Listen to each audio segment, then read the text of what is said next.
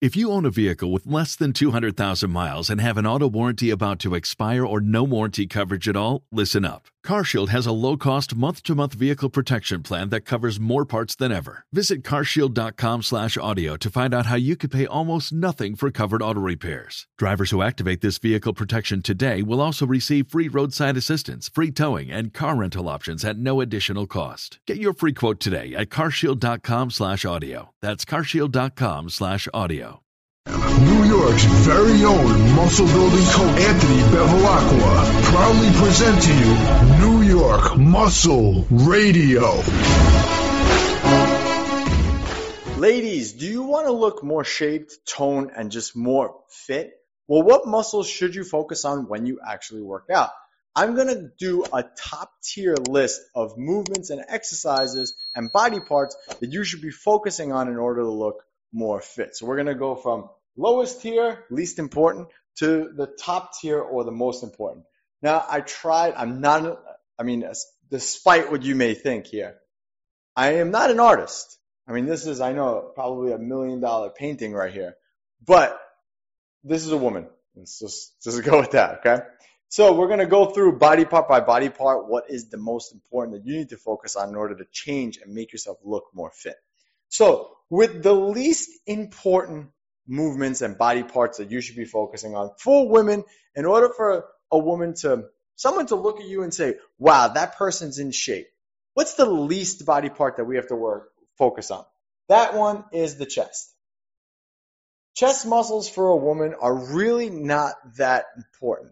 Uh, I'm talking about like development wise. I'm not talking about like, uh, you know what I'm talking about. I'm talking about like development wise. Like they don't have to really be as developed as like a, a guy's pectorals has to be.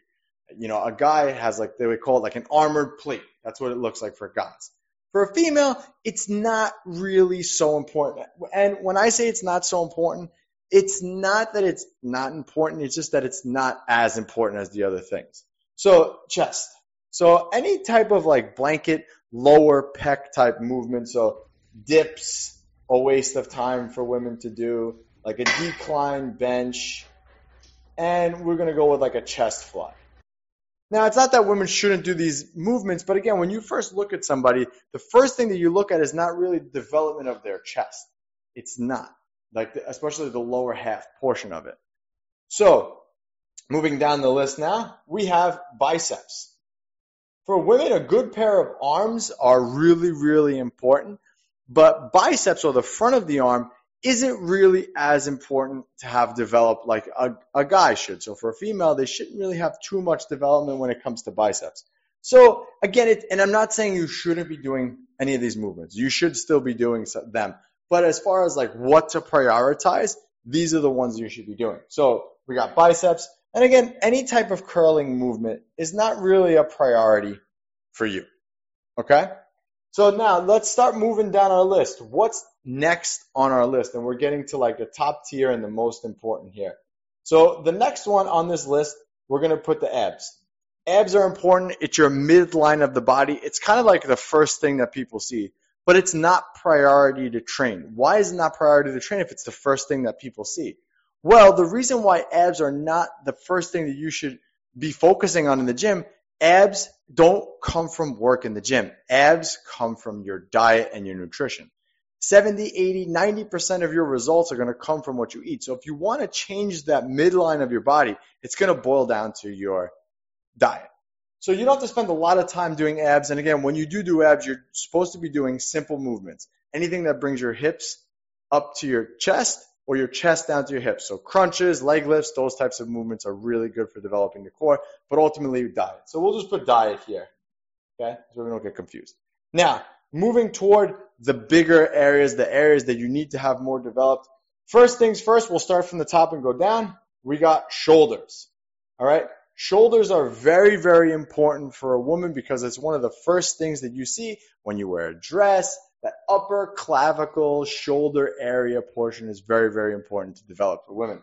So you're going to be focusing on overhead pressing type movements. So dumbbell overhead press, seated, barbell overhead press. Those movements are going to develop all those muscles that people see when they see you in a tank top or a dress or a bathing suit. That's the first thing that catches their eye. Now, in part of this shoulders or upper pecs, we would call it, there are some chest movements that you want to do because again, we want to focus on the upper portion of the chest. So incline press is also very important for women as well because again, it focuses on the areas that people can see. The lower portion, like I said, the dips, the decline bench, that chest flies, that really works more the lower and the middle. We don't really need that as much. We're focusing more so on the areas that are can be seen. So we got the shoulders. Now, next of importance, we have the legs. And we're going to break the legs down as far as like importance of area. So legs. So first things first, with legs, we have the front of the leg, the thighs, we have the back of the leg, the hamstrings, and we have the glutes. So those are the most important areas to work. And the cool thing is, is that the exercises that you're going to be doing here work all those areas at once. So you got squats. I love RDLs. I think RDLs, Romanian deadlifts, are one of the best exercises you can do. And we have hip thrusts. Those movements, those three movements alone are enough to give your your legs the definition and shape that they're supposed to have that you be like people look at your legs and say wow she's really in shape if you just focused on just those three movements you will see a big big difference now i want to flip back up here to the top, lower tier and the least important i also want to add in here we get to put it with biceps calves i don't think for a woman doing any calf raise or anything like that is of importance Plus, whenever you do squats, RDLs, hip thrusts, your calf has to stabilize and it actually is being worked, but there's no need for any direct calf work. And again, we could even throw forearms in here as well. Not an, an important movement for women. And also, I'll add it in here, traps. So those areas are not necessary. Any type of shrug or anything like that, not as important for a woman to look fit. Now, so we have the shoulders, we have the legs, and the last one, but not least, uh, and we got triceps. We got one more actually. We got triceps. Triceps are very, very important for a woman's development because triceps make up most of the arm. The triceps are two thirds of the arm and your arm development. So the more defined your triceps are, the better your arms are going to look. Most guys look at their biceps. They flex their biceps. So that's one there. With women, majority of the time, they're more concerned with the back of their arms. So we got to focus on triceps. So here we're talking about like skull crushers, uh, French press, which is good, kickbacks, which are one of my favorites. So those types of tricep movements are going to go a long, long. And I would say the most important, number one on my list for women is going to be back development. Nothing says a woman is in real shape when she's in a tank top and she turns around and you can see how defined her back is. So, what does a woman need to focus on? I believe that women need to focus on doing pull ups. Pull ups for women is one of the hardest movements that women can do.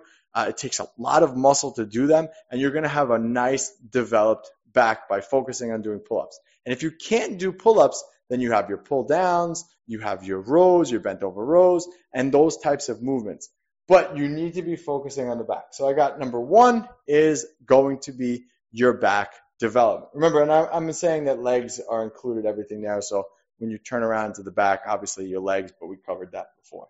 So what areas of your body you should focus on, ladies? In order. We got our back, we have our triceps, we have our legs, we have our shoulders. The most important movements that you should be doing as regularly as you can, and then follow up with this other stuff just to throw it in there. It's always good to have a nice balanced physique, but to make you look more fit, you got to focus on this bottom tier. And ladies, if you want help with any of this, I have a glute program that I put together. You can click the link below and pick that up today. Until next time, this was Anthony, AB Fitness Center. Catch you on the next one. Our overcrowded personal training gym is in need of trainers. We are drowning in new clients that want and need instruction, and we need you. Certification is a plus, but not necessary. We are growing fast and there are many opportunities for growth inside our company. So send me a message now if you are interested in working with the best. And that's the episode. Don't forget to subscribe, leave us a five star review, and pick up our signature muscle building programs at NewYorkMuscleRadio.com. Thanks for listening. This was New York Muscle Radio, and we're out.